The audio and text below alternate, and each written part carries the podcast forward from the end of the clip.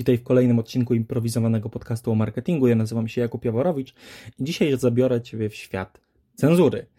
E, może nie takiej oczywistej, ale jakiś czas temu Google poinformowało, że mm, przestaje e, wyświetlać reklamy, a co za tym idzie, odcina od reklam osoby, które publikują niesprawdzone informacje na temat COVID-19. Generalnie tematów takich, które są blokowane przez Google, są, e, jest bardzo dużo. W tym przypadku jednak e, nie będzie się to odbywało na takiej samej zasadzie jak w przypadku chociażby stron e, czy artykułów z treścią, powiedzmy, nie dla młodszej widowni. Czyli przykładowo, to jak prowadzę portal muzyczny i napiszę o jakiejś gwieździe, która jest wyjątkowo kontrowersyjna, ma dużo, powiedzmy, konfliktów z prawem, albo delikatnie rzecz ujmując, jest osobą bardzo wyuzdaną w tym na przykład o naszej świeżej, pewnej raperce, e, wtedy e, dana podstrona tego serwisu nie zarabia na reklamach. W tym przypadku jest to jeszcze ciekawsze, ponieważ Google stwierdził, że nie chce współpracować z podmiotami, które się tego dopuszczają, co daje sugestię, że automatycznie cała strona będzie, nazwijmy to, demonetyzowana za to, że publikuje takie treści. I dlaczego nazywam to cenzurą? Mm, z prostego powodu. Jest to cenzura mm, polegająca na odłączeniu od e, źródła utrzymania tych serwisów. Jest, e, z jednej strony to popieram, ale z drugiej strony e, Google już teraz na YouTubie ma problem z rozróżnieniem satyry, krytyki od oczywistych złych rzeczy i bardzo często satyra i krytyka obrywa te oczywiste złe rzeczy wygrywają jakimś cudem i nie są demonetyzowane. Mm, ma problem, e, demonetyzuje nawet znane kanały mm, naukowe, stricte, e, za informowanie o obecnej sytuacji. I e, w sumie nie dotyczy to w sumie tylko tego tematu. I teraz pamiętajmy, że trzeba to podzielić na, dwa, na dwie grupy. Pierwsza to jest e, w sumie trzy. Pierwsza to jest fakt naukowy, czyli to, co jest w mainstreamie, to, co jest potwierdzone przez kogoś mm, ważnego bądź uznanego w danym środowisku, to jest ważne. Według Google to jest jedyny jakby wyznacznik, jedyne źródło, z którego można czerpać wiedzę do swoich artykułów. Drugą rzecz, nazwę to. Mm, Drugą rzecz nazwę hipoteza naukową, czyli powiedzmy ktoś, kto się zna na danym temacie, w oparciu o dostępne badania publikuje jakieś swoje przemyślenia. E, I niestety, w myśl tych nowych zasad, istnieje duże prawdopodobieństwo, że właśnie strona z takimi hmm, hipotezami naukowymi zostanie odcięta od reklam. No i trzecia to są osobiście, oczywiście wszelkie fake newsy, e, które e, rozsiewają przedziwne informacje od tego, że koronawirus nie istnieje, po to, że mm, koronawirusa rozsiewa 5G, a tak właściwie to w szczepionce będzie chip który Bill Gates, który wywołał tę pandemię, z pewnością e, nam każdemu wszczepi i będziemy mieli Windowsa, w naszych oczach będą pojawiać się blue screeny. No, niestety, tę trze tą trzecią kategorię, rozumiem, to trzeba banować, tępić i tak dalej. Niestety, mimo wszystko i mimo największych starań, e, Google stosuje to już w sumie do kilkudziesięciu innych e, ale bardziej oczywistych kategorii. Ponieważ stosuje na przykład te blokady na zarabianiu oczywiście na erotyce. Co jest robotowi generalnie w miarę łatwe do rozróżnienia, a stron, które są jakby z pogranicza, mm, na przykład są to jakieś fanfiki erotyczne, czy, czy coś, jest stosunkowo niewiele i raczej e, Google przychyli się albo nie, to jest takie w sumie trochę pół na pół, na e, sprzeciw, jeżeli wyłączą faktycznie te reklamy. Ale w przypadku, kiedy mamy do czynienia mm, z takimi właśnie hipotezami naukowymi e, i teoriami spiskowymi, robot tego nie rozróżni. Ja podejrzewam, że to będzie naprawdę na chybił trafił. I takich sytuacji, e, druga sprawa, nawet było dużo sytuacji, gdzie te hipotezy naukowe, bądź paranaukowe, jak to niektórzy mówią. Niektórzy nazywają to też teoriami spiskowymi, dlatego to będzie właśnie bardzo ciężkie do blokady wychwycenia i, i egzekucji tego w sensowny sposób. Mm, bardzo często okazywały się w jakimś stopniu prawdą. W sumie nie musimy daleko szukać. No, od małego w reklamie, od małego, jak tylko miałem dostęp do telewizji, ciągle była reklama pij mleko, będziesz wielki. W szkołach rozdawali darmowe mleko, czy tam mleko w takich kartonikach za złotówkę, żeby pić to mleko w, w przerwie śniadaniowej, czy tam obiadowej. Po czym po latach, to w sumie dość niedawno, odkryto, że mm, i co zresztą wiele osób pisało, że picie mleka w takich ilościach y, może nie być do końca zdrowe w y, młodym wieku, E, I to się potwierdziło, że nie jest do końca zdrowe. Wiadomo, że nie jest to może aż tak bardzo, wy... jak to wcześniej na tych faktycznie stronach złych, że tak to określę, e, opisane, że w ogóle to jest po to, żeby dzieci ogłupiać, no, ale nie daje to takich korzyści, jakie rzekomo to mleko pite w młodym wieku miało dawać.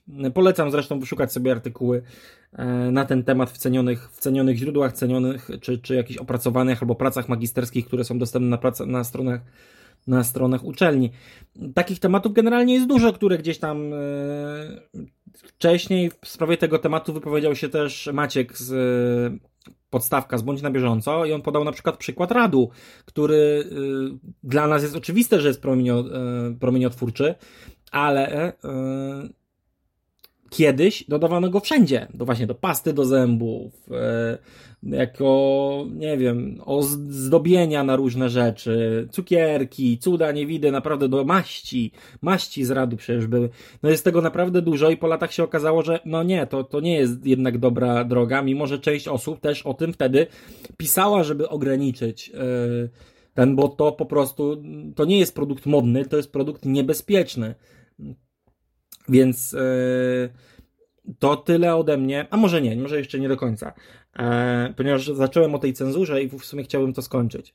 Mamy do czynienia teraz z takim dziwnym mechanizmem, i to robi już powoli jakby każda większa platforma, w szczególności te, które serwują reklamy, że odcinają na pewne tematy, hasła, dopływ, e, dopływ gotówki. Dla wielu serwisów jest to naprawdę mm, jakby niezbędne do przeżycia. No i teraz, e, jeżeli mamy portal, nawet jeżeli on się nazywa niezależny, to on jest zależny od Google'a, bo jeżeli on, mają do wyboru do napisania temat, który będzie mniej nośny, ale będzie zarabiał i temat, który przyciągnie na stronę miliony osób i jest szansa, że może przejdą do innych artykułów i na siebie zarobi, ale większość ludzi raczej wejdzie przez to przez AMP bądź e, bezpośrednie artykuły na Facebooku i raczej nie przejdzie na dalsze strony. Te reklamy się po prostu nie wyświetlą. I jeżeli w ten sposób będzie prowadzony ten szantaż, to to jest taka nie ma cenzura. Ponieważ użytkownicy sami będą wybierać, nawet te portale zwane niezależnymi. One są zależne od Google'a czy od innych sieci reklamowych. Więc e, niestety doszliśmy do takiego momentu, w którym e, niezależna strona internetowa to jest taka, na którym nie ma zewnętrznego dostawcy reklam, bo można się spodziewać teraz po wszystkich witrynach, że nie będą pisać na tematy, które będą dla nich niedochodowe.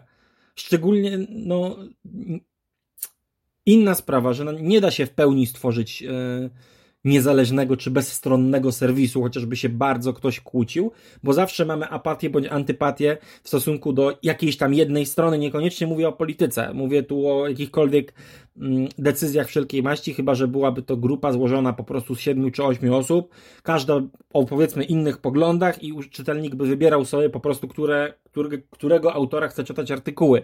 No ale to się jakby mija z celem w kwestii bezsporności przekazywania wiedzy.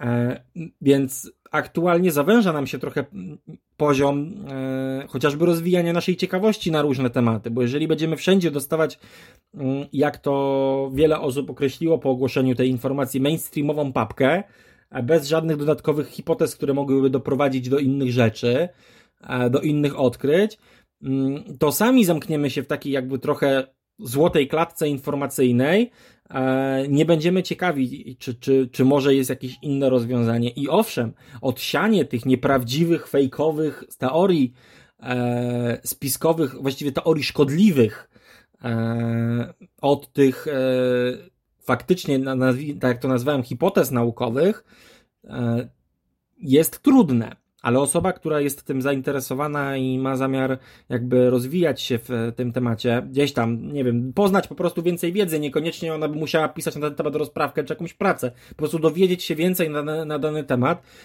mm, będzie miała tej treści mniej i wpłynie to negatywnie, bo tak naprawdę, jeżeli nawet te y, jakby hipotezy dostaną po głowie, to oni przestaną je pisać, a przynajmniej nie przestaną je pisać publicznie w, w ramach jakichś tam swoich serwisów, tylko będą na przykład oddawać za do jakichś gazet czy do jakichś innych mediów. Mm, owszem, będą jakby bardziej wiarygodne, ale dzięki temu y, nasze wyniki, mimo że nie będą mm, jakby zarabiać na reklamach, przynajmniej z Google'a, a sieci reklamowych jest od groma i nie wszystkie wprowadzą tego typu ograniczenia, e, zawalą właśnie te szkodliwe teorie.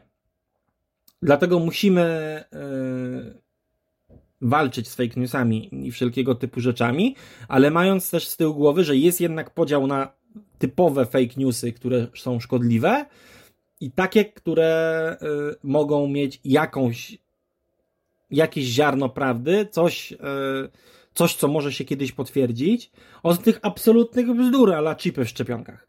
Więc no to by było ode mnie na tyle. Mam nadzieję, że mm, Google nie wprowadzi, chociaż wprowadza sukcesywnie na, na coraz różniejsze tematy tego typu cenzurę, bo inaczej tego nie da się nazwać. E, no i do zobaczenia w kolejnym odcinku. Pozdrawiam, Jakub Jaworowicz.